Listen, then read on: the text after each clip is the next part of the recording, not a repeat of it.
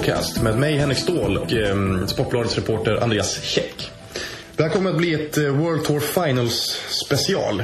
Men vi kommer naturligtvis också att prata om säsongsavslutningen i stort. Men vi måste ju börja med att prata om Paris Masters som eh, precis har avslutats.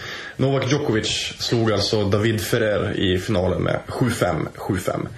Eh, detta alltså efter att Ferrer slog ut landsmannen Rafael Nadal i raka set i semifinalen. Och Djokovic eh, vände 0-1 underläge set mot Roger Federer i sin semifinal. Eh, vad har vi att säga om Paris Masters i stort till att börja med? Ja men eh, framförallt eh, Ferrer. Det, det är den stora snackisen från, eh, från Paris, att han går hela vägen till final genom att slå Nadal. Det tror jag inte att någon hade trott på förhand. Och sen så eh, har han ju bra läge idag i finalen också. Det är ju två identiska sätt han viker ner sig båda gångerna eh, när han servar för dem. Eh, imponerande av Djokovic samtidigt måste man ju säga. Att han eh, i, i de stunderna bara lyfter sitt spel och, och ja, vänder på matchen. Eller på sätten två gånger om. Men eh, ja, det är väl, det framförallt eh, Ferrers skräll där mot eh, Nadal. Jag vet inte, vad, vad har du att säga om, om den? Hur, what, what do we make of that? Ja, alltså jag tycker ju att eh, Ferrer gjorde ju en fantastisk match Mm. mot eh, Nadal. Han spelade väldigt aggressivt, spelade väldigt offensivt. Han hade en enkel offensiv taktik som gick ut på att nöta mot eh, Nadals backhand och så fort han fick läge så slog han ju sin inside-out forehand som är ett av hans favoritslag mot Nadals forehandruta och där var liksom Nadal chanslös. Eh, Nadal å sin sida gjorde ju absolut inte en bra match tycker jag. Eh, jag vet inte om man ska gå som drar så långt som att säga att, att han gjorde en dålig match. Men med Nadal-mått mätt så gjorde, måste man ändå säga att han gjorde en dålig match. Faktiskt. Det kändes liksom som att Nadal var underlägsen för er hela matchen. Och det är ju jätteovanligt att se. Vi har ju sett, eh, vi har sett Ferrer i, eh, som har ett övertag mot Nadal tidigare. Till exempel i Madrid i år. Där han var ett set upp och var bara två poäng från att vinna matchen när han tog ett väldigt dåligt beslut på en smash och sen vände Nadal.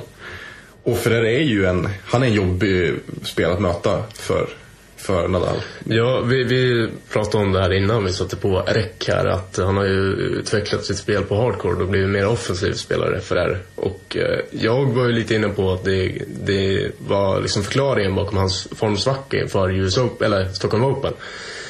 Men eh, nu i de här två matcherna så tycker jag han visar att han, om han sätter det offensiva spelet så har han ju faktiskt chans att hota de allra bästa på riktigt. Och det är ju kanske det som är bakgrunden då. Eller att han motiverar den här eh, eh, ja, omskolningen. Eller sitt ändrade spelsätt för att han kanske är trött på att ligga där fjärde rankad och, och aldrig vinna de här stora turneringarna. Sätter han det spelet och ja, då, då har han ju chansen. Absolut, och vi var inne på det redan, redan under Stockholm Open. Eh, framförallt när vi såg hans första match mot Jack Sox så spelade han först väldigt offensivt och det gick inte alls. Han liksom bara missade i princip allt.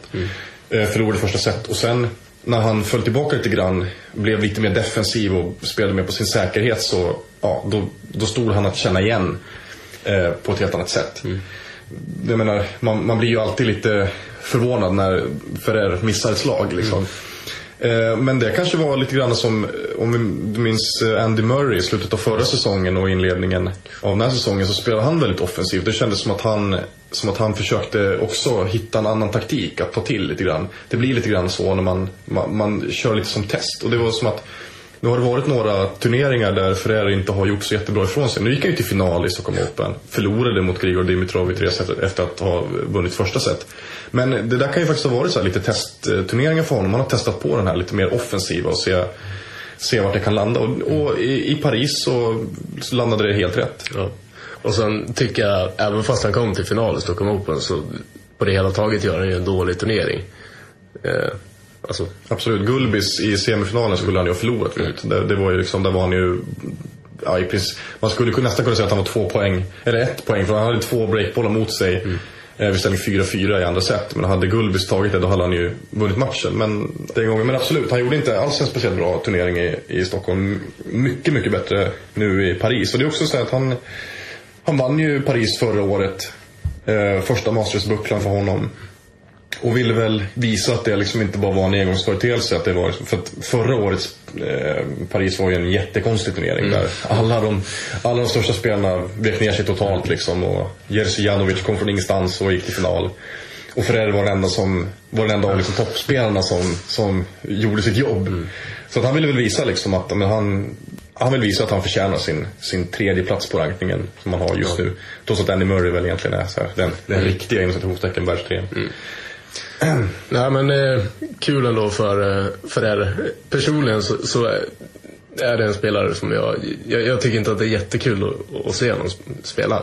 För åtminstone har det varit så förut att han bara är den här kämpen som springer mycket och är väldigt säker i sitt spel. Och, och, ja, han, han bjuder väl sällan på någonting spektakulärt så. Men man måste ändå det är bara att lyfta på hatten liksom och, och konstatera att han, han gör det ju väldigt bra. Absolut. År efter år. Får vi se lite grann hur han kan ta det här vidare liksom in, in i World of Finals i London. Han nämnde ju nu efter semifinalen mot Nadal att han var lite trött och sådär. Men att han skulle göra sitt bästa i London. Man, man vet att han, han blir inte trött. Nej. Eh, Han så är det ju bara. Uh, nej men som sagt, World Tour Finals nu då. Eh, kul eh, turnering i Paris som alltid. En av mina favoritturneringar. Men eh, Ska vi gå igenom snabbt bara vilka som har eh, kvalificerat sig? Vi kan ju börja med att Andy Murray var ju kvalificerad, eller är kvalificerad men står över på grund av sin ryggskada. Han opererade i ryggen efter, ehm, efter Cincinnati var det ju. Ja, just det. Så han har ju varit borta sen, sen Cincinnati och missat både Shanghai och Paris.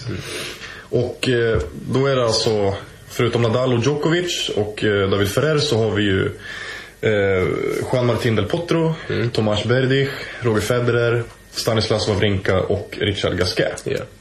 På bekostnad av Joe Wilfried Tsonga och Milos Raonic som, var, som ju var de två som eh, slogs om de här två sista platserna. Gasquet är alltså nia på säsongsrankingen men kommer in då eftersom Murray eh, står över.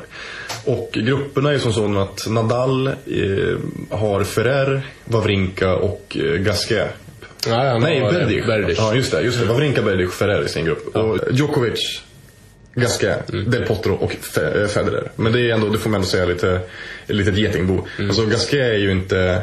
Han får väl ändå eh, ses som den svaga länken liksom, i, i årets World Tour Finals. Nej, De Potro har ju visat väldigt eh, fin form. Eh, även om han förlorade här mot eh, Federer i Paris. Så eh, eh jag, eh, jag tror att han tar sig, till, eh, tar sig vidare från gruppen tillsammans med eh, Djokovic. Om man får eh, sitta här och sia lite grann, och det får vi. Eh, och att Federer missar. Men det, det är ju väldigt speciellt med eh, med World Tour Finals. För du går in och du möter eh, de åtta bästa spelarna i världen. Och det är ju till skillnad mot andra turneringar där du liksom kan såsa dig igenom de första matcherna mot sämre rankade spelare, gå på halvfart. Så nu, nu brinner det till direkt. Alltså, gör du en dålig insats så förlorar du matchen. Du, du kan inte gå på 40% och ändå, ändå vinna. Alltså du kan inte ens gå på 80%. Du måste ju prestera max för att eh, slå din motståndare. För så bra är ju alla de som är där. Och det kan ju vara, om Ferrer säger att han är trött, det, det köper jag väl inte riktigt. Men eh, Nadal, Djokovic, alltså alla har ju spelat mycket. Eh, så, Det känns som att den här, den här andra gruppen med Djokovic i spetsen är den absolut mest intressanta. Så vi, vi kan väl bara börja med, det känns lite som att jag tycker att i, i Nadals grupp så är det väl eh, på förhand tycker jag Nadal och Ferrer går inte att säga något annat efter Ferrers eh, fantastiska Nej. turnering i Paris. Men med ett utropstecken på Wawrinka. Eh, jag menar, Berdych brukar inte vara så jättebra. Liksom, han, han presterar liksom sällan så här i, i det absoluta slutet av säsongen och inte i slutspelet. Liksom. Han gjorde ganska blek insats förra året tycker jag. Det var han och Songa då som var liksom blekast nästan efter slagpåsen Tipsarevic. Men eh, jag skulle nästan kunna tippa Nadal och Wawrinka vidare. För, för Wawrinka också varit bra. Nu gjorde han visserligen lite av en platt match mot Djokovic i Paris. Men det tror jag mer handlar om att han bara blev helt tagen på sängen av att Djokovic bara öste på i, i inledningen. Eh, och jag håller ju med dig om den andra gruppen. Att Djokovic och Del Potro får ses som favoriter till att gå vidare till semifinal där. Eh, och där är ju Federer den självklara utmanaren. Pro- Problemet för Federer det tror jag är att eh, det är ju väldigt svårt för honom just nu med tanke på det här väldigt tunga året han har haft. Att slå så här pass bra spelare back-to-back. Och då är det ju så att Gasquet måste han ju slå. Det är en måste-match för honom. Han måste slå Gasquet. Och då är frågan så här, vilken match ska han fokusera mest på? Djokovic eller Del Potro? Och det måste ju vara Del Potro som han måste gå in för att liksom... Ehm, och jag menar, de senaste två åren så har det varit väldigt tuffa möten eh, mot Del Potro. Nu tycker jag att Del Potro gjorde inte en bra match eh, i Paris. Nej. Absolut inte en bra match. Där borde Federer ha vunnit i raka set. Men eh, slarvade bort det lite grann där när han skulle... Sör, nej, just det. Det stod 5-4 till Del Potro i, i andra set. De hade följts åt. Så. Och eh, Federer missade ett ganska enkelt slag där Del Potro var helt bortfintad. Men han liksom missade med några centimeter i sitt servegame och sen tappade han det setet.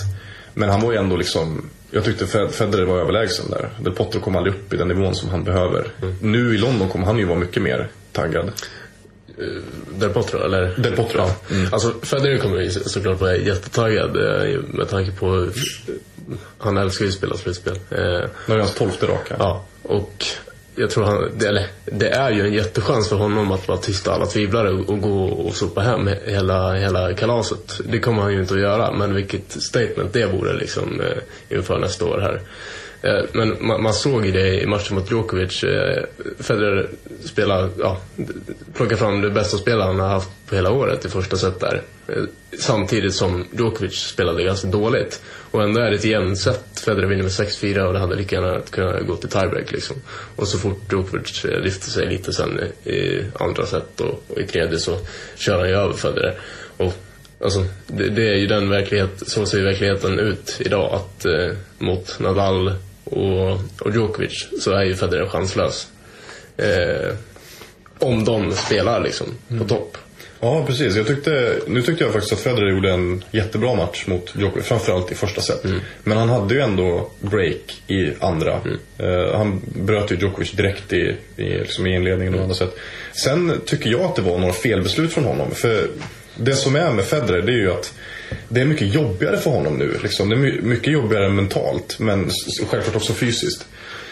Eh, men det är klart att det kommer ju med att han har haft ganska dåligt självförtroende. Nu håller han på att bygga upp det igen och sådär. Men, men det är fortfarande mentalt väldigt jobbigt för honom att möta. Jag tyckte eh, inför eh, den semifinalen mellan Federer och Djokovic så var jag inne på att Federer skulle försöka styra spelet mot Djokovic forehand. Försöka att inte ge honom lägen att slå sin raka backhand eller framförallt inte fastna i de här eh, backhand mm. crosscourt-duellerna som han är totalt underlägsen i och försvara sig med sin slice, med, med sin backhand slice i, ehm, i dem.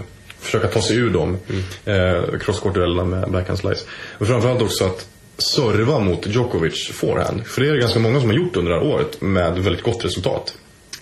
Federer servade väldigt bra hela matchen. Federer servade väldigt bra hela matchen och jag tyckte att det var i några lägen, framförallt i andra set när han hade 1-0 eh, och skulle serva då. Så var det nog, jag tror att han hade, eh, jag tror att Federer hade 30-15 i sin serve.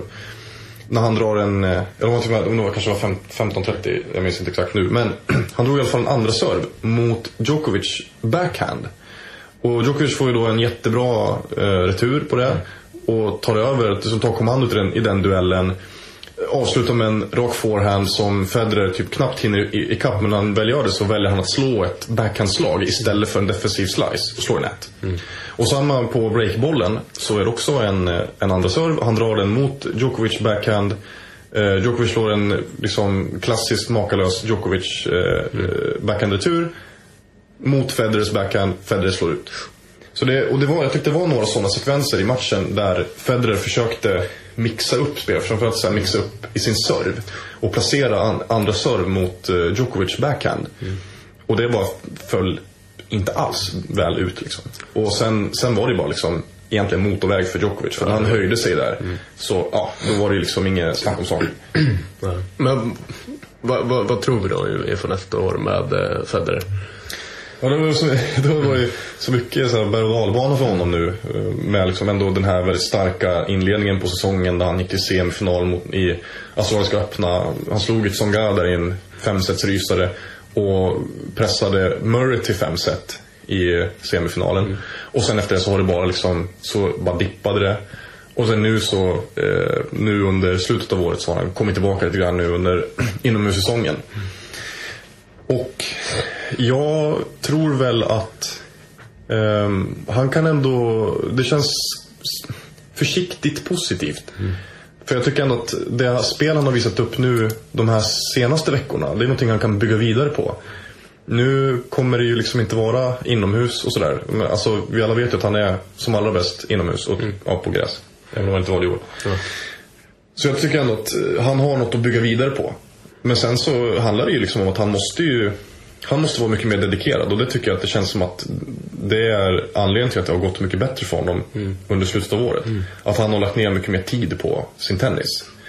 Och, så jag tror, att, jag tror att för Federers del så handlar det bara om hur mycket han, han är villig att satsa under 2014. Är han villig att verkligen satsa som han gjorde under 2012 då tror jag att han kan bli en kraft att räkna med igen. Inte alls på samma sätt som... Nej, det, det är det. Hur, hur, definierar man det? Att han, vad, vad är liksom bra med hans mått mätt nästa år? Jag tror ju till exempel inte att han, han kommer, han kommer inte vinna en, en till Grand Slam. Det är jag ganska övertygad om. Jag tror att han har en... Han har ju sin bästa chans i, i Wimbledon. Uh, för där, där är ju Nadal svag liksom. Det, det får vi konstatera. Ja, och även Djokovic till viss del. Ja. Och, ja. Men, men jag tror fortfarande inte att han har en, en till Grand Slam i sig. Nej, jag tror att det beror lite på hur han lägger upp sin säsong. För det kändes som att inför säsongen 2012 så hade han eh, två väldigt, väldigt klara mål. Och det var ta tillbaka eh, tronen som världsetta så att han kunde nå, alltså slå eh, Sampras rekord. Och andra målet var att vinna Wimbledon. Och han jobbade stenhårt för det och lyckades med det. Inför 2013 kändes det inte som att han hade några riktiga mål alls. Liksom. Det enda det snackades om det var typ att han bantade ner sitt spelschema och liksom, ja ah, nej men nu ska han gå lite på halvfart typ. Och det funkar inte. Mm. Jag tror att om han, om han lägger upp sitt 2014 på helt rätt sätt och verkligen satsar för eh, en eh, Grand Slam liksom, eller två för att ha en backup. Mm. Wimbledon, Leos Open.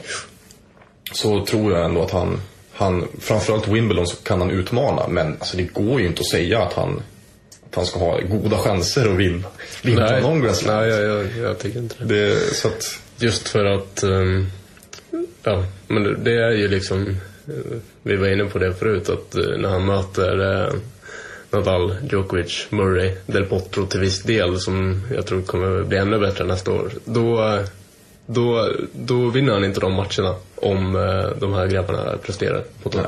Och det, det, det, jag menar lite grann med att Federer kan bli en kraft att räkna med. Mm. Eh, med liksom dagens mått mätt. Mm. Om man ser på Federer 2013 och Federer 2014. Det är ju mer faktiskt eh, i nivå med Berdych till exempel. Eller Tsonga. För Berdych, man pratar alltid om honom. Ah, han kommer vinna en Grand Slam någon gång. Nej, det kommer han inte. Han, är liksom, han börjar bli för gammal nu. Liksom. Han, har inte de, han har inte de vapnen i, i, sin arsenal för att kunna plocka en Grand Slam. Om inte liksom, topp, de absoluta toppspelarna underpresterar något så enormt. Va? Men däremot kan ju Federer vara en bromskloss för de andra. Vilket ju typ Berdych är. Berdych har varit en bromskloss mm. för, för eh, Federer genom åren. Liksom. Han, var, han, liksom, han slog ut Djokovic i Wimbledon 2010 och, och sådär. Ehm, så att han kan väl vara någon som kan ta sig till liksom, kvartar och semifinaler igen. Men jag tror som du att, ja, men, att han ska, det, det, känns inte realistiskt idag att sitta och prata om att Federer ska vara en Grand Slam-vinnare eh, 2014. Då känns det mer realistiskt att prata om typ Del Potro, om han kan höja sig lite till. Mm. Mm. Det, blir, det blir spännande nästa år. Ehm, det finns ju många unga pojkar på, på touren som man trodde skulle få sitt riktigt stora genombrott redan i år. Mm. Eh, ska vi snacka lite om det kanske? Eh, Milos Raonic, han har ju gjort en bra säsong får man säga. Han tog sig in på topp 10 här för första gången. Men... Eh, han slutade nu som världselva. Eh. Missade slutspel. Eh, han hade ju väldigt, väldigt höga förväntningar på sig inför den här säsongen. Eh, jag, jag, tycker det är svårt att, att säga att att han har misslyckats med att leva upp till dem. Alltså de var, de var så pass högt ställda de där förväntningarna. Så jag tycker man kan säga att han har gjort en bra säsong. Ja, det, det håller jag med om. Särskilt också med tanke på att han hade en väldigt svag säsongsinledning. Visserligen så gick han till åttondelsfinal i Australiska öppna men han hade svårt då. Han fick inte liksom resultaten med sig och förlorade en del ganska dåliga matcher i inledningen av året. Sen, och sen eh, liksom, alltså kom han igen och så framförallt så har han gjort en stark avslutning på året. Och han har trots allt spelat fyra finaler, vunnit två av dem. Ehm, och eh, han är ju liksom den av, i det här unga gardet som har Ja, som faktiskt har åstadkommit mest. Visserligen, Jerzy Janovic gick till semifinal i Wimbledon och det är ju fantastiskt. Men, men ser man till helheten så är ju Raonic den som har åstadkommit absolut mest under 2013 av de här ynglingarna. Så jag tycker ändå att han har en ja, godkänd, bra säsong. Liksom. Jag, tycker, jag, jag tycker som du att man, förväntningarna var alldeles för höga på honom. Han är trots allt bara 22. Det är ingen annan 22-åring som har, mm, som har nått upp i den nivån som han är på nu.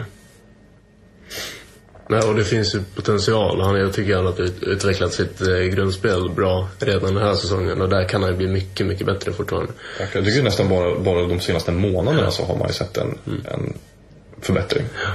Absolut. Serven är ju redan eh, topp tre i världen. Ja, topp två i världen skulle jag nästan säga. Ja, med Isner, Kalvic, Rajonic. Ja, precis. hur vi ska ranka dem. Typ så. Nej men, eh, ja, har, har du någon som du tänker på? Eh, Men är det kanon då, eller menar du någon ung... Någon yngling som har presterat, som, du, som har imponerat på dig? Ja, nej, det var väl lite det vi var inne på. Att, att de har gjort oss besvikna här. eh, Dimitrov, även fast nu han gick och vann sin första titel här i Stockholm. Men eh, honom trodde man ju med på och eh, den som har floppat mest av, av dem är ju Bernard Tomic. Eh, Absolut. Slutet av året, ja typ 51 eller Ja, något sånt där. Rankad 51 där. nej, han har ju, alltså, han, han var ju i Stockholm här och, och tankade mot, eh, det var Sock va? Han, mot, eh, Ja, det är ju första omgången. precis. Och det har man ju sett prov på så många gånger. Det, är- det, det är trist bara att han, att han inte bryr sig, för det, det gör han ju inte. Och då vann han ändå sin första titel eh, i karriären i början av året i Sydney. Och gjorde en här bra säsongsinledning och kände som att okej, men nu kanske han är på gång här. Ja, man tänkte ju det, men så det blev ju bara fiasko av alltihop. Ja, nej, jag, jag måste ju säga ändå vad gäller eh, Dimitrov så jag trodde faktiskt inte så mycket på honom inför den här säsongen som många andra. Eh, framförallt så trodde jag liksom inte att det skulle gå så himla fort för att han eh, jag tyckte att han gjorde ett ganska dåligt 2012. Men han har ändå klättrat en ganska bra på. Jag tror att han inledde året runt 40 i världen och nu 22. Ja, precis. Och vunnit sin första titel. Han spelade sin första final i Brisbane, förlorade mot Murray där så här. Och gjort den ändå. Alltså, han, är, han är ju den enda av ynglingarna som har slagit en, eh, liksom. Han har ju faktiskt slagit två topp 4-spelare. För han har ju slagit både David Ferrer och Novak Djokovic. Så att eh, jag tycker ändå att han har gjort en ganska bra säsong. Eh, lite samma där med, som med Raonic. Att, att eh, förväntningarna var kanske lite för högt ställda. Ja, det håller jag med om. Ehm, men... eh, Det var ju väldigt höga förväntningar på, på Tomic också. Det snackades ju lika mycket om honom som om eh, Rajonic här Absolut. Jag trodde, jag, jag trodde ju Tomic skulle kunna slå sig in på topp 30. Liksom. Nej, och vi, och vi har ju ja, Kei Nishikori, bland annat Benoit Per. Eh, man, man får ju ändå säga att de har gjort en, en okej säsong. Absolut. Alltså de är med där uppe. Eh, fransmannen här är 26 på den rankingen. Det kommer ju en ny imorgon här. ja. Eh, Nishikori är typ 1819 på den nya som kommer imorgon. ja, exakt. Men, ja. Det är svårt att säga att man är imponerad. Ja, nej. nej så. alltså särskilt Nishikori tycker jag har, eh, har floppat lite grann. Jag, tro, jag trodde lite mer på honom. Nu har han, han har liksom vunnit en, han har slagit en topp 10-spelare, det var Federer i Madrid. Där Federer gjorde en som kalkonmatch. Liksom. Och eh, visserligen vunnit en titel men eh, det var i början av året och sen efter det så har han inte alls varit mm, en kraft att räkna med. Alltså, sett till, till de här ynglingarnas förutsättningar. Känns inte som att, nej han har, han har inte gjort en speciellt bra säsong. Benoit Per har ju liksom, han har också klättrat på rankningen och han har spelat en ATP-final och sådär. Men har också blandat väldigt bra prestationer med, med riktiga bottennapp. Ja, det är det. Alltså, jag tycker inte man, man, man kan inte sitta och ge dem cred för att de har klättrat på rankingen. För det ska de göra. Ja. Just av den anledningen att de är så pass bra. Ja, och Per är ändå liksom 24 år gammal. Det är på tiden att han börjar Ja. ta sig upp lite högre. Och, han kan ju så mycket mer om, om han får den där hjärnan. Eh, får ordning på den. För där är det också mycket strul med motivation och man vet inte om han, om han bryr sig, om han tankar eller om han, ja. Men det, det är klart, det finns ju potential i, i alla de där och det skulle, ja. ja. Om, om, de, om de kan göra en bättre säsong nästa år. Vi får väl se. Jag tycker det- det är en spelare som ska ha cred av de här lite. Nu, nu är han ju verkligen på gränsen till att kunna kallas för en yngre förmåga. Men eh, Ernest Gulbis. Eh, eftersom han ändå haft, nu sen succésäsongen 2011 så har han ju haft eh, ganska tung period får man ju säga. Han var väl nere på bottennappet, 159 i världen under 2012 och han inledde året så rankade han 138. Och nu är han faktiskt bara tre placeringar från sin toppnotering. Alltså 21, nummer 21 i världen som han var 2011 då, det där suc- succéåret. Eh, jag trodde absolut inte att Gulbis skulle komma tillbaka så starkt. Det, det kändes ju som att han typ hade bara gett upp där med tennis liksom, i början av säsongen. Det, det var helt oväntat att han så, typ från ingenstans bara skulle börja spela sådär bra som man vet att han kan. Sen är det ju fråga om hur, hur långt det bär. Nu har han ju satsat en säsong och ändå inte riktigt. Han har liksom inte införlivat sin potential om man säger så. Nej, jag, jag tror inte att han är nöjd själv. Nej. Mm. Han, han tror ju, eller vet ju att han, han har ju så mycket i sig och jag tror att han tänker nog själv att om jag, om jag spelar bra då, då kan jag bli topp 10. Och det var ju som han sa efter eh, semifinalförlusten mot Ferrer i Stockholm Open när jag pratade med honom så eh, nämnde jag det liksom att han ändå klättrar lite grann på rankingen. Och det skiter jag fullständigt i. Liksom, eh, om man är rankad eh, 15 eller 28, det bryr jag mig inte om. Liksom. Det enda, det, ja, man blir sidad i Australiska öppna men ja, är man inte topp 10 så är det skitsamma. Så det är lite den inställningen han har också. Helt rätt tycker jag. Ja, ja. Absolut. Nej, men det, det, om vi är nu vid det ämnet med spelare vi trodde på i försäsongen. Vi, vi kanske ska strunta i åldern. Men de, de flesta av dem är unga liksom. Men eh, det, som, det som är gemensamt då med de som har eh, varit lite grann av besvikelse på, på, på damtouren också. Eh, till exempel eh, Laura Robson, Heather Watson också. Eh, Absolut. Mona Bartell till viss del. Eh, är ju, ja, Sloane Stevens också. Även om hon har gjort ett bra år så hade hon kunnat gjort, gjort det ännu bättre om de slutspel alltså. Ja. Men gemensamt för alla dem är att de har dåligt psyke när det drar ihop sig. Att de chokar. Och visst, alltså det handlar om erfarenhet. Eh, men Kuznetsova till exempel som är ganska gammal och varit med länge och har jättedåligt psyke. Så. Ja, just det. Är typ Kvitova som... Ja, exakt. Nej, men jag, jag tycker det är lite skumt ändå. För att, att det är liksom, ja, det bara är så. Att de här unga luftarna har dåligt psyke. Det, jag, jag tycker inte att det borde vara så. Det måste ju finnas någon liksom så här med, med ett hjärnpsyke som Ja. bara, Ja, det har ju typ varit Simona Halep som har vunnit sina fem första titlar i, i karriären i år. Liksom, Och på tre olika underlag. Och bara så här. Fast det, det ska man också säga, det är ju på, på li, lite lägre nivå. Hon har liksom vunnit eh, international turneringar då, liksom, som är motsvarighet till ATP 250 turneringar då, här sidan. Eh, och har ju absolut inte gjort bra ifrån sig i Grand Slam. Där är det ju också skillnaden. Det är liksom att Sloane Stevens har gjort jättebra ifrån sig eh, överlag i Grand Slam-sammanhang. Hon eh, gick ju till semifinal i Australiska öppna. Eh, vad var det mer? Jo, hon gick till eh, kvartsfinal i Wimbledon, åttondel i Franska öppna, åttondel i US Open. Och nu är hon liksom rankad 11. Ja, hon är som världselva och rätt ung. Så jag kan inte direkt säga att jag är besviken på henne. Jag tycker hon har gjort en bra säsong. Men det är ju ändå vissa delar i hennes spel som man, som man blir besviken på. Precis som du säger. Och det är väl lite samma där som med ja, men typ Raonic och de här. Att man har ganska höga förväntningar på dem. Så lever de inte riktigt upp till dem så blir man lite besviken. Men jag, jag håller absolut med om Heather Watson och Laura Robson. De trodde man ju mycket mer på. Heather Watson skulle vi säga, hon fick ju också körtelfeber. Ja. Eh, Det, det kan ju ha vara en, en liten förklaring, men eh, hon, hon kan ju absolut bättre. Absolut. Sen eh, var väl, alltså Sabine Lisicki var ju, eh, ja hon kom ju lite som en överraskning så här. För henne har man ju också räknat ut som, för hon har varit så himla skadad. Mm. Men hon, när hon tog sig till final i Wimbledon så trodde man att så, ah, men shit, så nu, nu är hon ju på G. Men ja, det, det lyfte liksom aldrig riktigt efter, efter. Det var den finalen som var höjdpunkten. Sen, ja, sen dalade det lite grann där.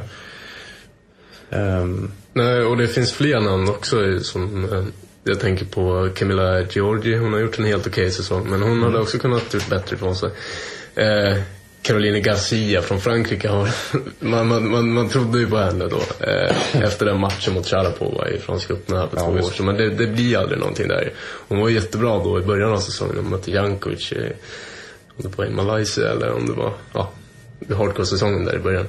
Eh, Madison Keys tror jag jättemycket på. Ja, det, Eh, hon har ju varit mycket i ropet liksom. Särskilt i turneringar i USA, men inte heller. Ja, men det, det är samma sak där. Eh, bara en så enkel grej som att stänga en match. Det är ingen som, det är ingen som kan göra det. Eh, och jag, jag förstår bara inte varför. Det är klart att man blir nervös när det är, är så mycket på spel. Liksom, rankingpoäng, mycket pengar. Allting. Och de lever med den här pressen på sina axlar. I, har gjort liksom sedan ungdomsåren. Men nej, jag, jag blir lika förbannad varje gång när jag ser de här talangerna choka bort en match. Ja. Tyvärr. Nej, jag, jag håller med där. Och det tycker man ju att... Eh, ja, det, det är väl lite samma syndrom på damsidan som på herrsidan faktiskt. Att de här yngre förmågorna som man verkligen tror på har inte nått ända fram. Liksom. Ehm, den som har nått längst är ju Sloane Stevens. Men jag menar, tittar man på, på rankningen nu vid årets slut så är det ju samma. Det är liksom det stabiliserat i toppen.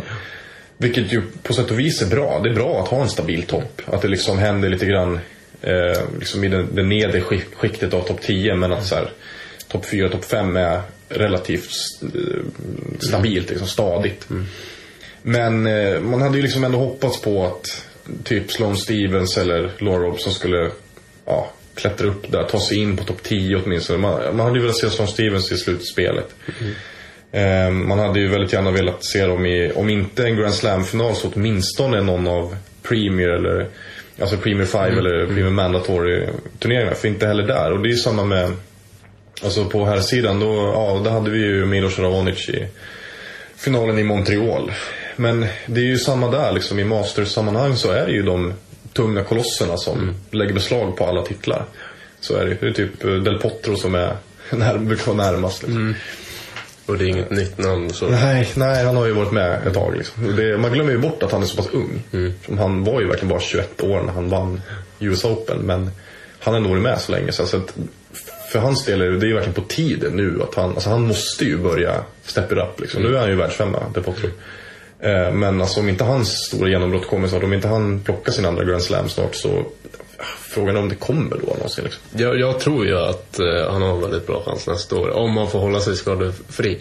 Eh, det har ju varit struligt med, med skador. Eh, och om, om han eh, får hålla sig skadefri så tror jag eh, definitivt att han har en väldigt bra chans i, ja, både i Australien och i, i eh, US Open. Jag tror framförallt i Australien faktiskt. För att det är ju väldigt oklart hur Murrays eh, status ser ut.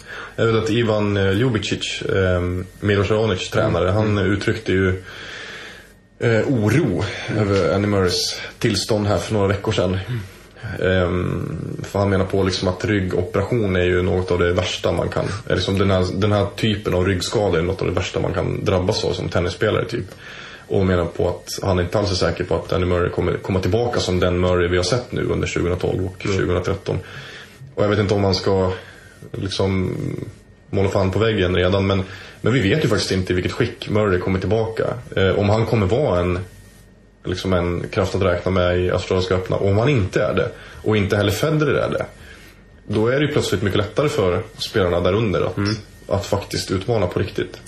För det är ju det som har varit genom åren, det är liksom att man har varit tvungen att ta sig förbi minst två jäkligt svåra spelare för att vinna en Grand Slam. Liksom två topp fyra spelare. Det har varit för tufft för dem. Det är ju bara Del Potro som har lyckats med det. Ehm, så att framförallt Australiska öppna tror jag uh, ja, kommer vara liksom en... Där kommer Del Potro ha en god chans. Mm, jag håller med. Jag tror också det. Och det kändes lite så på damsidan också. För jag menar, hur länge kan Serena Williams vara så här dominant som hon är? Liksom? Nu börjar hon faktiskt bli lite till åren. Det sa vi förra säsongen också. Men, alltså, men nu är det ju verkligen. Så hur länge till kan hon brassa på? Dessutom så även nu när hon har varit dominant så, så har det ju inte räckt längre. Eller ja, som två Grand Slam-titlar är väl jättebra. Men eh, jag menar, vi pratade ju om att hon skulle vinna en äkta Grand Slam och ta hem alla fyra inför 2013. Det har hon inte gjort. Liksom. Nej, och eh, man såg väl lite grann nu här i slutspelet att hon var trött liksom efter säsongen. Eh, hon har ju spelat många matcher. Eh, Det har ni. Och nu vann hon i slutspelet ganska, eller väldigt övertygande. Ganska, ja, ja, Så. ja, det får man ju säga att hon gjorde. Men eh, det är ändå eh, ett tecken, eller ja, det, är- det är väl rimligt att, att man är trött efter en säsong. absolut. Så man kan inte klandra det. Men eh, ja, Men det är frågan liksom dels hur länge till är hon motiverad att köra på så här hårt som hon har gjort och framförallt liksom hur, hur länge kommer hon orka hålla uppe den här dominansen. Det är ju inte, det är inte speciellt lätt att vara sådär dominant. Det är bara att kolla på Djokovic som eh, nu efter US Open när han förlorade sin första plats på rankningen till Nadal så har han ju spelat den, typ den bästa tennisen han har presterat under året i princip. Med vissa undantag. Såklart tycker jag, han gjorde ju jättebra Franska öppna och så vidare. Så. Men eh, Djokovic är ju alltid bäst när han, när han måste jaga. När han har mål som han måste jaga. Liksom. Ehm, det tycker jag är eh, som... Det är egentligen bara under 2011 som han ju... Under 2011 gjorde han ju en jättebra säsongsavslutning också. Bortsett från slutspelet. Han gjorde ett riktigt dåligt slutspel. Det var ju då när han var som allra mest dominant. Men eh, ja, han behöver liksom en, en ordentlig morot. Och nu är ju Nadal och första platsen en ordentlig morot för Djokovic. Och då är frågan, nu har Serena Williams varit världsetta ganska länge och varit liksom överlägsen och eh, solklar favorit i alla turneringar hon går in i. Liksom. Hur länge orkar man det mentalt liksom? Men hon var ju inne på det lite grann när hon kommer att spela i Båstad här för första gången. Att hon ser det liksom som en ny grej. Att åka runt och spela turneringar hon inte varit med i tidigare. Det, det säger väl någonting om vad, vad man har liksom för inställning till, till tennisen. Och hon, det är väl klart att hon drivs av att vinna fler Grand Slams och bli ännu mer historisk än vad hon redan är. Men man vet ju då att när hon väl avvecklar karriären så kommer hon ju anses som den största någonsin på, på damsidan. Det vet hon ju om också. Eh, men eh, ja, lite oklart vad, vad hennes liksom, motivation kommer ifrån. För den finns ju där, uppenbarligen. Annars skulle hon ju inte gå och vinna de här matcherna och de här titlarna som hon har gjort ändå. Det blir intressant att se nu för de senaste åtta Grand Slam-turneringarna på damsidan har ju sju bärgats av topptrion då, som är Williams, Azarenka och eh, Sharapova. Sharapova lyckades inte vinna någonting i år, men hon har haft ett tufft år också. Eh, och den enda som lyckades, lyckades bryta den dominansen det var ju Marion Bartoli i, i årets Wimbledon. Men det känns väl som att det borde finnas större utrymme för någon utanför eh, topptrion att liksom eh, plocka lite någon Grand Slam-titel 2014. Mm. Vilka tror vi på i så fall? Eller vilka tror vi kommer... Man vill ju tro på Sloane Stevens, det vill man ju. Men eh, jag vet inte om det är lite, det är fortfarande lite för tidigt tror jag. att prata med henne. Jag känner väl fortfarande, jag har inte gett upp hoppet om Petra eh, Kvitova. Ja, För mm, hon har det liksom i sig. Sen måste hon ha det, hon måste plocka fram det liksom mer regelbundet än vad hon lyckas med nu. Sen är ju Radwanska, tycker jag, alltid det är liksom en, eller nu var det ju Wimbledon 2012 som hon var i final, men jag tycker liksom framförallt på, ja men framförallt Aust- Australien och Wimbledon så till viss, alltså US Open brukar hon inte prestera i men det känns ändå som att hon borde kunna utmana där. Hon har ju alltid en chans, men det, det, grejen är att det hänger ju inte bara på henne. Nej, precis. Hon behöver ju hjälp från sina motståndare att Serena Williams, eh, alltså Renka Sharapova, ska göra en dålig match liksom, när de möts. Eh, Lite så är det ju från för jag tycker också att Lina är ju också en sån där eh, kandidat. Ehm, att liksom i alla fall, ja men hon kan ju hävda sig och hon kan utmana men hon når liksom sällan ända fram. Ja. Och lite samma som hon har väl också liksom lite grann i slutet av, eller hon, hon börjar väl se lju- ljuset i slutet av tunneln. Så de här är ju liksom lite så här, de börjar ju bli lite, lite till åren allihopa. Inom topp 10. Sara Irani tycker man ju borde ha en chans att vinna Franska öppna. Liksom. Ja, kanske. Eh, sen blir hon ju totalt överkörd när hon möter eh, Serena Williams. Ja. Så det är väl i så fall om hon kan komma undan den matchen på något sätt. Om Williams åker ur tidigt eller skadar sig eller någonting sånt. Exakt. Hon, Intressant också med Lina, att hon säger ju själv nu att det här är hennes bästa säsong någonsin. Även om hon vann Franska öppna 2011 så tycker hon den här säsongen är bättre. Just för att hon har varit så jämn. Så hon, hon finns ju där som en utmanare i alla Grand Slams, absolut. Men det är intressant på sikt också med de här yngre förmågorna. Vem som tar steget på riktigt. Sloane Stevens bör ju vara den som har störst chans sen finns det ju många spännande namn. Eh, eh, Bouchard här är ju spännande. Absolut. Eh, Gabine Muguruza också tycker jag. Hon är 20-årig spanjorska. Sett väldigt bra ut. Och jag minns inte vilken turnering det var men hon mötte Serena Williams här i somras och gjorde en ganska bra match. Alltså visar att hon har ett spel som på sikt kan liksom utvecklas till någonting eh, så pass bra som kan störa de allra bästa.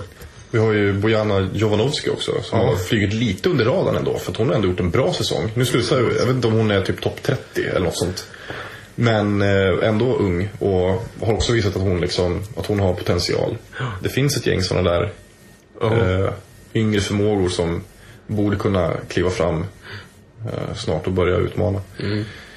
Eh, lite grann som att Tittar man på här sidan så är det svårt att inte prata om Jerzy Janovic.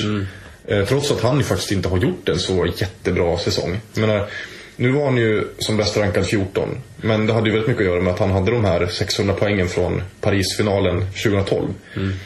Eh, som man sen fyllde på med semifinalen i Wimbledon. Men eh, han har inte nått final, så han har ju fortfarande inte vunnit någon eh, titel.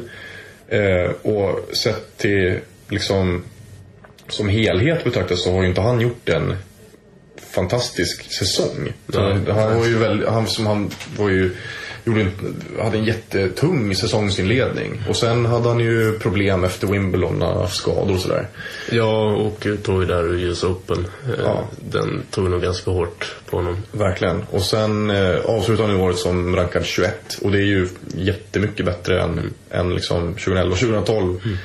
Men eh, det är ändå han, om man bortser från typ Del Potro självklart så, här, så känns det som att det är Janovic och Raonic som man pratar mest om.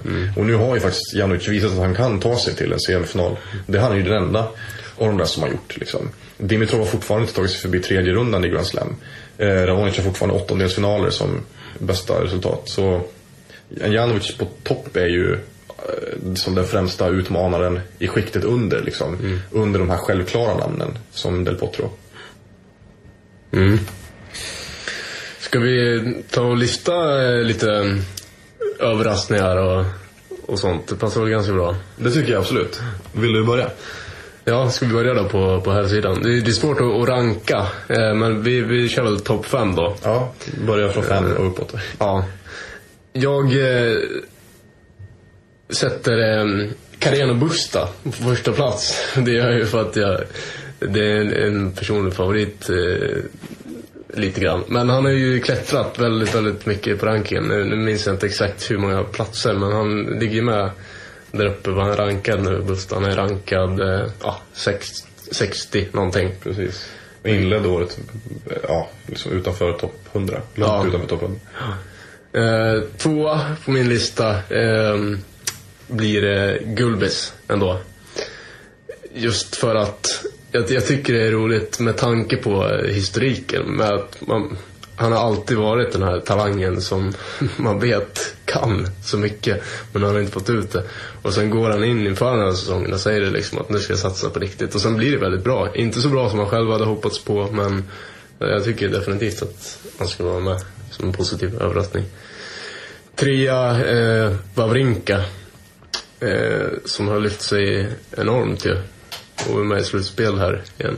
Eh, jag vet inte riktigt när man ska säga att vändningen kom. Det, var ju, det blev ju toksuccé när, när Norman tog över. Han vann 11 raka matcher eller något sånt. Precis, det var, det var ju under grussäsongen. Ja. Starkaste tid på året ändå. Eller Ja. som historiskt sett starkaste tid på året.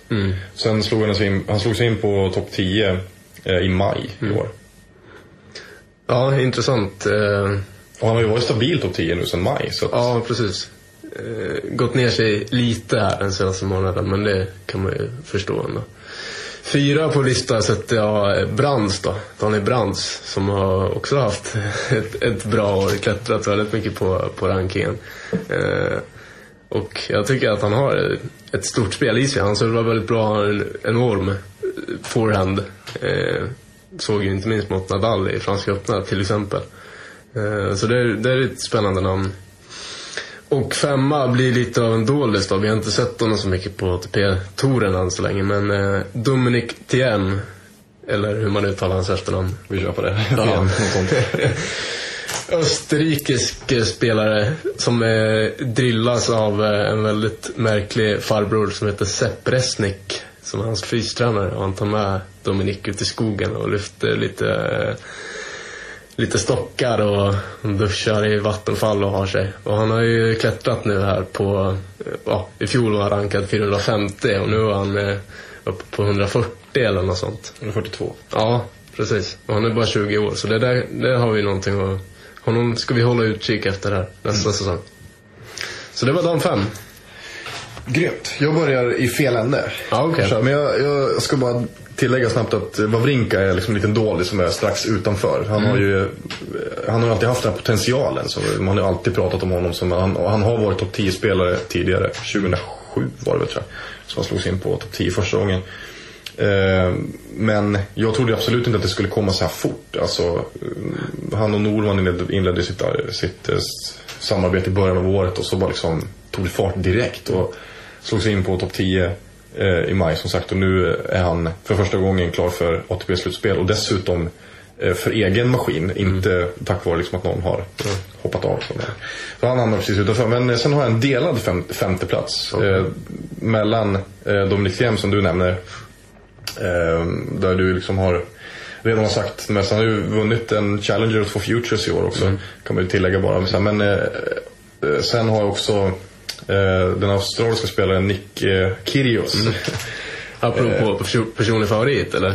Ja, precis. Han är ju lite av en person. Men eh, det är ju också så att de är, eh, där är väl så här, Dominic Thiem är ju lite mer överraskning för att han kommer ju från absolut ingenstans. Och det finns ju en hel del sådana spelare som bara klättrar upp kanske från så här, du vet, 300 till 100 eller du vet, 200. Så här. Men, men det är något speciellt med honom och det är just att man ser att han har ett stort spel i sig, precis som du säger. Och det känns också som att det här är en spelare som vi kommer få se mer av. Han, eh, han känns som, eh, som en eh, sådana spel som typ Nick Kyrgios också. Eh, han har inte klättrat så, så speciellt högt på parken. Han är väldigt ung, han är bara 18 liksom. Eh, spelare som det redan börjar surras om. Liksom, att det känns som, ja men det här kommer vi få, få se mycket mer av. Och, Men Athiem har ju redan visat nu med den här eh, Sepp Resnick att han har verkligen arbetsmoralen som krävs. Det har ju även Nick Kyrgios. Liksom, har ju, som, de är ju verkligen arbetsmyror. Sådär, så att eh, de sätter på plats fem. Plats fyra eh, sätter jag Joao Sosa. Ja. Eh, 23-åringen tror jag. Kanske, jag tror han är 23 år gammal. Eh, har ju varit en, en eh, klassiskt utpräglad grusspecialist. Måste man säga. Jag har liksom inte hävdat sig på något annat underlag än, än grus och knappt på grus. Han har varit en stabil, typ stabil topp 100. Men han har ändå haft liksom problem att hålla sig. Han har haft svårt att hålla sig inom topp 100 de senaste åren. Och så nu liksom från ingenstans eh, kommer han i år och bärgar sin första ATP-titel. Såg ju Julien Benneteau, stackaren, som från sin nionde raka ATP-final. Eh, och är liksom eh, stabil topp 50-spelare plötsligt. Det tycker jag var en, alltså det såg jag absolut, särskilt inte med tanke på att han, han har ju liksom inte riktigt, han har ju inget stort spel i sig alls. Det är som inte att han har den här potentialen som har legat och grott och så plötsligt så bara blommar ut. Det är bara det verkligen kommer från ingenstans. Eh, Ehm, riktigt samma sak kan man inte säga om Tommy Robredo som jag har på plats nummer tre. Men han känner sig ändå som en så här, ja, avdankad föredetting. Som har liksom, han har sett sina bästa dagar och tänkte man i alla fall kommer aldrig komma tillbaka till, till något som kan liknas vid toppen. Eh, han var liksom rankad 470 i världen i maj 2012. Eh, inledde året som rankad 109 och nu är han alltså 20 i världen. Han avslutar året som topp 20. Och det får man ändå säga är jäkligt starkt. Ja, det är väldigt stort. Eh, av en spelare som liksom är jämnårig med Federer. Eh, varit världssjua som bäst tror jag. Till, och med världssexa kanske. Men eh, jag frågar mig om inte han varit världsfyra. Ah, lite, o, lite oklart där. Men eh, hur som helst så hade man ju räknat ut honom för ganska länge sedan. Liksom. Han känns ju som en sån här spelare som Nikolaj Davydenko. Som, eller så kändes det i alla fall inför säsongen. Så här. Spelare som kan göra några enstaka bra turneringar. Eller typ så här, Leighton Hewitt också. Men som ligger där och skvalpar. Men han har gjort en jätte, jättebra eh, säsong och dessutom tagit två titlar. Så det tycker jag ändå kom från ingenstans. Ja. Plats två, Vasek Pospisil. Mm. Kanadensaren. Ja, just det. Just det. Eh, Robredo har varit femma förresten, ska vi säga. vad sa du? Robredo har varit femma. Han var ju femma, just det. Så pass högt ändå. Men, Eh, ja. Men det var länge sedan. Ja. Så. Eh, Vasek Pospisil, han inledde ju året eh, rankad 128. Ramlade ner till typ 141 någonstans. Och sen så kom ju den här eh, helomvändningen i somras. Um, och inledningen på hösten då när han tog sig till semifinal i Montreal. Också verkligen helt från ingenstans. Det var liksom ingen som hade räknat med att han skulle göra en så himla bra turnering. Och nu så avslutar han eh, på plats 32 i världen. Det kändes ju som att han har ju aldrig varit en spelare som man har pratat om ska liksom ta sig så pass högt upp. Tycker inte Nej, jag. han har ju levt i skuggan av Milos Raonic då, Ja. Verkligen. Och eh, på plats nummer ett så sätter jag faktiskt Ernest eh, Gulbis. Och det är bara för att nu har ju vi snackat så mycket om honom eh, sedan i våras. Men, så det är liksom lite lätt att glömma bort att han ju faktiskt har varit totalt ute i periferin. Egentligen sen succéåret 2011 som vi var inne på. Liksom, Då bara ja, men då bara dalar ju allt liksom. Han bara, det tog krasch. Eh, och han eh, var ju nere liksom på plats 159 i oktober 2012. Det var ett år sedan. Han inledde året 2013 rankad 138. Och nu är han alltså tre placeringar på sin toppnotering. Alltså 24 i världen. Eh, vunnit två finaler. Han har aldrig förlorat en final förut. Är ganska starkt. Ja. Inte så bra som han hade hoppats på, som du säger. Och inte heller riktigt så bra som vi vet att han kan. Men eh, fortfarande total överraskning. Jag tror inte att det var någon som hade liksom räknat med att han skulle så helt plötsligt börja tycka om att spela tennis igen. Ja. Han har ju varit riktigt sopig faktiskt. Under hela förra året så var han ju liksom, ja men han var ju ingenting. Ja. Så Nej, det, det är kul. Är det. har du några på damsidan också kanske? Ja, eh, vi har ju varit inne och pratat lite grann om eh, Muguruza där. Och eh, Bouchard. Sen eh, Halep också, som vi nämnde. Nu ska vi strunta i att lista dem 1 till 5 och bara plocka upp dem kanske. Absolut. Eh, Jankovic eh, har ju imponerat. Ja, verkligen. Det kom också lite, det trodde man också att hon var, ja nej men det där kommer ju liksom, hon kommer väl Ja. halva nu runt 2030 så, så småningom liksom men Ja, är väldigt imponerad att ta sig till slutspel och hon gjorde ju bra ifrån sig där också. Jamie Hampton också tycker jag är intressant, eh, ung amerikanska, eh, som har väldigt... De har ju det, framförallt på, på damsidan, de som är unga eh, och eh, ses på som stora talanger. De har ju väldigt offensiv spelstil, de flesta av dem. Och där ligger ju också problemet att när de blir lite nervösa så kommer de här jättemissarna och det är svårt att hålla den nivån uppe eh, match efter match och ja, set efter set liksom. Men eh, Jamie Hampton, där eh, har, har vi något, eh, ett, eh, ja, ett namn som vi, som vi eh, kan räkna med, tror jag. Hon har väldigt bra serv också. Eh, första serv. Eh, så det är, väl, det är väl dem. Hade du några andra? Jag skulle ändå vilja lägga till Lina som en liten semi-överraskning. För jag trodde inte att hon skulle spela så bra som hon har gjort. Och lite som hon själv var inne på där att hon, att hon har gjort en så jämn säsong. För att det är ju annars eh, så typiskt henne att liksom göra några jättebra turneringar. Ofta i Asien liksom. Eller så där. Någon enstaka Grand Slam som hon gör bra. Och sen så är det Ja men det brukar vara jätte, jättedjupa dalar. Eh, så att, att hon har gjort en så pass jämn säsong tycker jag var en liten överraskning. Jag tycker väl också att, eh, att Sabine Lisicki bara kom från ingenstans och tog till final i Wimbledon var också en stor överraskning. Men sett till helheten har inte hon riktigt. Man kan inte kanske ha med henne som en Nej. Överraskning på så vis. Um, Marion Bartoli var ju Ja. en enorm överraskning och sen bara kastade in handduken liksom och la racketen på hyllan. Ja, det, var- det var ju lite eh, snyggt. Ja. Ja, det var kyligt, det var iskallt. Ja. Det var fantastiskt, det var ju helt rätt liksom. Hon Och eh, ja, kul för henne också. Alltså, hon har fått så mycket skit genom åren för Ja, hennes sätt att spela tennis. Så fick hon ju skit för sitt utseende här också i samband med Wimbledon. Ja, det har hon ju fått också. Det har hon ju fått liksom genom åren. Så här, köttbulle och tjockis och Ja. allt sånt där skit som, som folk bara Ja. hä- häver ur sig. Liksom. Och så missar man att hon ju faktiskt är ett av de största föredömen på touren. För att hon Mm. jobbar så extremt hårt liksom. Och hon har ju inte de här, samma förutsättningar som de här talangfulla spelarna. Hon, för att hon är inte en naturlig talang på tennis. Hon har ju, hon har ju liksom tränat och kämpat sig Ja. dit. Och så Och får ut max. Ja, får verkligen ut max av sitt kunnande och så vinner hon äntligen Wimbledon. Och det känns så himla, så, så himla rättvist om man får använda det. Det känns så himla rättvist att hon Ja. faktiskt. Ja, det var kul. Och sen bara släcka lampan och bara, där, Ja. där har, har ni. Lite som många önskar att Federer hade gjort efter Wimbledon 2012 eller typ eh, World Tour Finals 2012. Några floppar då? Jag tycker med sådana eller? ja, jag tycker vi kanske inte behöver eh, lista sådär 1 till 5 men jag måste ju, en som har missat lite grann. Det är ju Alexander Dolgopolov. Fy! Vilken dunderflopp han har varit. Ja, alltså, han har ju också varit en så här, ett namn som har varit på tapeten ganska länge. Och han börjar också, han är, börjar närma sig 25 om han inte redan har fyllt 25. Men eh, gjorde ändå en bra säsong förra året. Ja, och i år så var det bara total uselt. Nej, det är en av, en av mina absoluta favoritspelare. Jag älskar hans eh, spelstil. Eh, Ja. när, när eh, Dolgopolo mötte Tomic i Australian Open. Det var en av de bästa matcherna det året. Ja, alltså jag, det är fortfarande den bästa matchen jag har sett i hela mitt liv. Jaså? ja, men, men, eller ja, ja, det är väl lite kanske.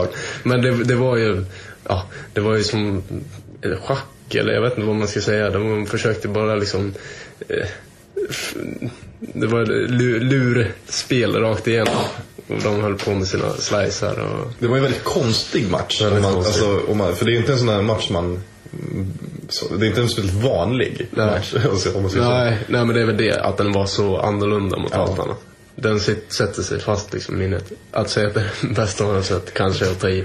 Han är ju väldigt annorlunda Dolgopolov. Vi skulle Mm. nämna hans extremt korta uppkast. Han en väldigt snabb servrörelse som nu eh, har han ju varit med lite för länge för att man ska kunna säga att han överraskar sina motståndare. Men fortfarande så är han ju knepig. Mm. Och han har också väldigt snabb Eh, framförallt forehandrörelsen. Alltså, hans forehand swing, swing är ju väldigt svårläst för Mm. att han svingar så eh, snabbt och kort och får ändå jättemycket racket-head speed som TV, de amerikanska tv-kommentatorerna brukar säga. Eh, han får enorm fart på bollen liksom. Han är ju en jätteoffensiv spelare och det är ofta det som är hans stora problem. Att han är för offensiv. Så han missar för mycket. Ja. Sen har han ju den här sjukdomen också som jag aldrig minns namnet på. Gilberts syndrom. Precis, som gör att han kan bli väldigt trött. Men eh, jag skulle inte säga att det är en förklaring till årets flopp. Han är ju väldigt öppen och, och pratar om den och skyller på den ibland. Och det har han inte gjort så ofta i år. Nej, det, och framförallt så är det ju typ när han, eh, när han reser med, och då är det ju eh, så som den här sjukdomen fungerar. Eh, just när det gäller tröttheten så är det om man reser mycket och, och liksom inte, som han säger, inte äter vid fasta tider typ, alltså sånt, så kan han bli väldigt utmattad.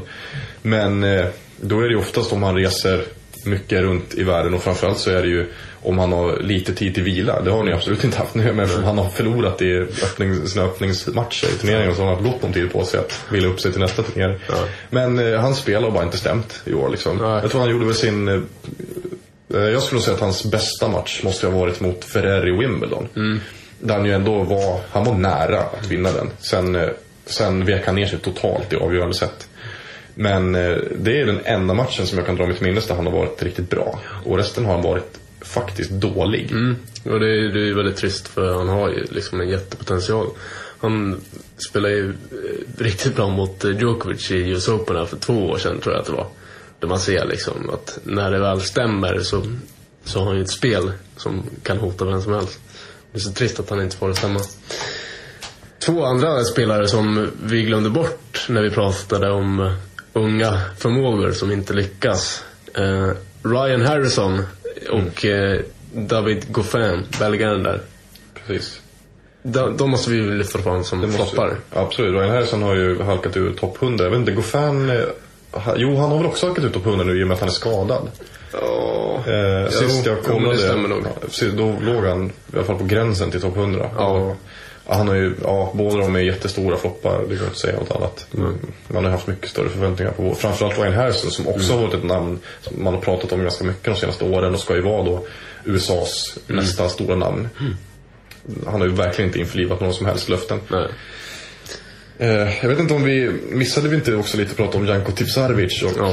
Juan Monaco. De Ja. gamla topp 10-spelarna. Framförallt Tipsarevic som ju ändå var stabil topp 10-spelare i ett och ett halvt år. Som har gjort en katastrofal säsong. Inte alls oväntat. Nej.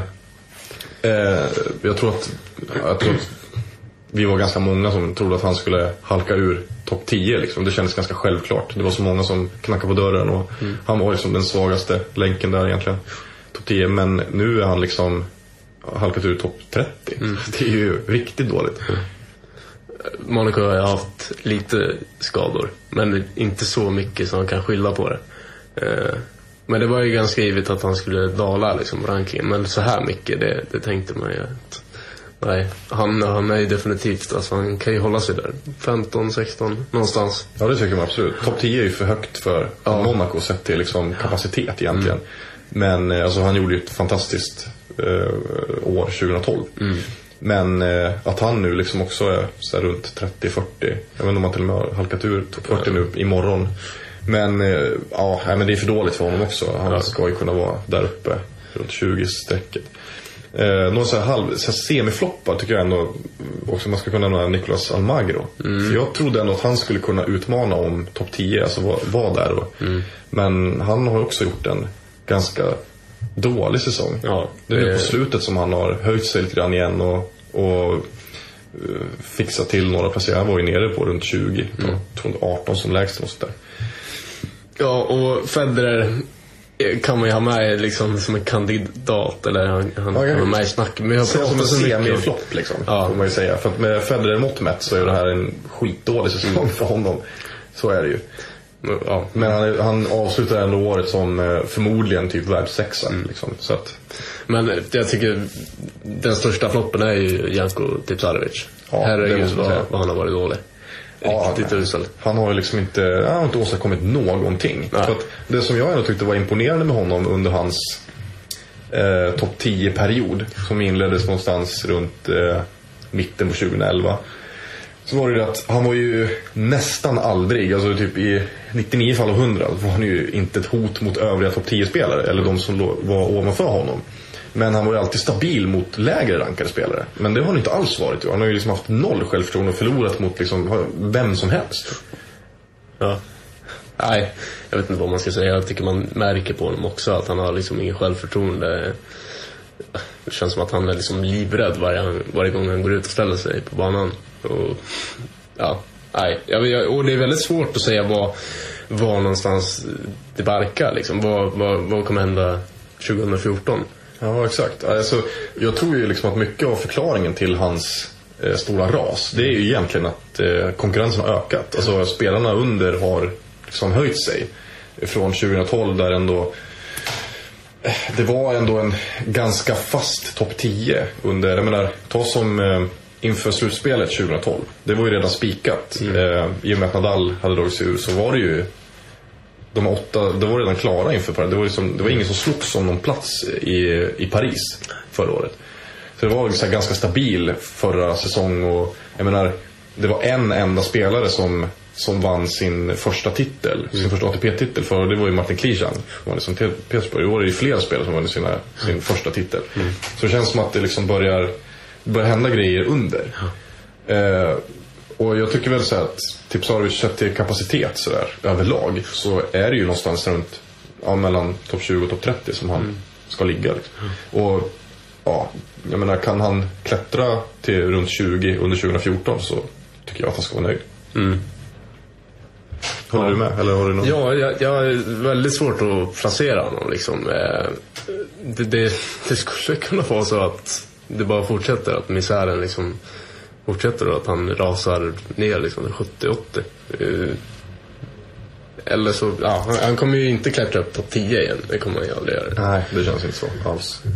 Men nej, jag vet inte. Jag har väldigt svårt att, att liksom analysera eller sia i åt vilket håll det kommer gå. Men det är ganska klart i alla fall att han är den största floppen det här året. Absolut. Ska vi, ska vi avsluta med att prata lite, lite om John Isner också? Mm, För John Isner tycker jag känns som en, en positiv överraskning. Mm. Jag var ju övertygad om att han skulle liksom trilla ur topp 10 under... Jag har för mig att han avslutade 2012 som just 10. Och var rätt säker på att han skulle rasa. Jag trodde att han skulle rasa mer än han gjort. Han var ju som lägst ner på mellan 20-30. Jag vet inte om han någonsin var under 30-strecket. Men sen så liksom kom han tillbaka igen. och... Mm. Eh, har ju liksom tagit sig upp i smöret igen. Jag vet inte om han avslutar året runt 14 någonting när nya släpps Jo. imorgon. Och det, får mig, det tycker jag ändå är över förväntan på honom. Ja, alltså kollar man hur många platser han har klättrat så. Men det är ju klart, inom topp 20 så kan man ju inte klättra många platser. Men det är ju det här problemet att han inte presterar utanför USA. Det är det som jäckar och gör, hindrar honom från att etablera sig bland de allra bästa och nå slutspel och så. För jag har varit inne på det tidigare också, eh, att han, han, eh, han kan ju verkligen eh, han kan slå Nadal och Djokovic. Han har det spelet. För eh, servern vet vi alla vad den gör liksom för honom. Eh, men eh, ja, de är, ju, de är ju livrädda för att möta en sån kille. Det är ju en mardrömslottning för dem när de ser att de får John Isler liksom i andra omgången eller något sånt. En, Det såg vi nu dels i Cincinnati där ju Djokovic faktiskt förlorade eh, mot Isner i semifinalen. Ja. Och sen eh, nu också i Paris där han ju tappade första set mot Isner. Det, Isner har ju verkligen blivit en mardrömsmotståndare för Djokovic. Men eh, det var lite som Andy Murray sa också.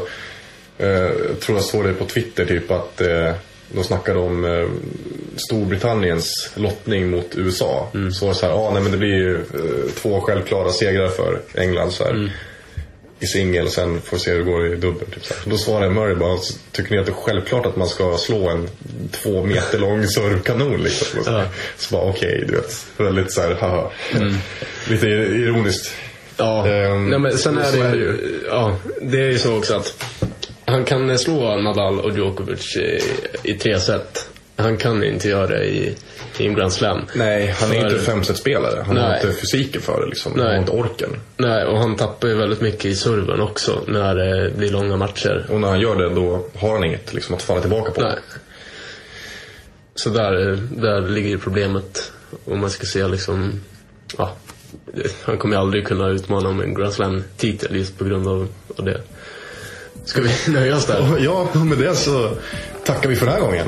På återseende. Eh, kanske en sista gång under 2013, men annars blir det ju inför säsongen 2014 som vi hörs igen.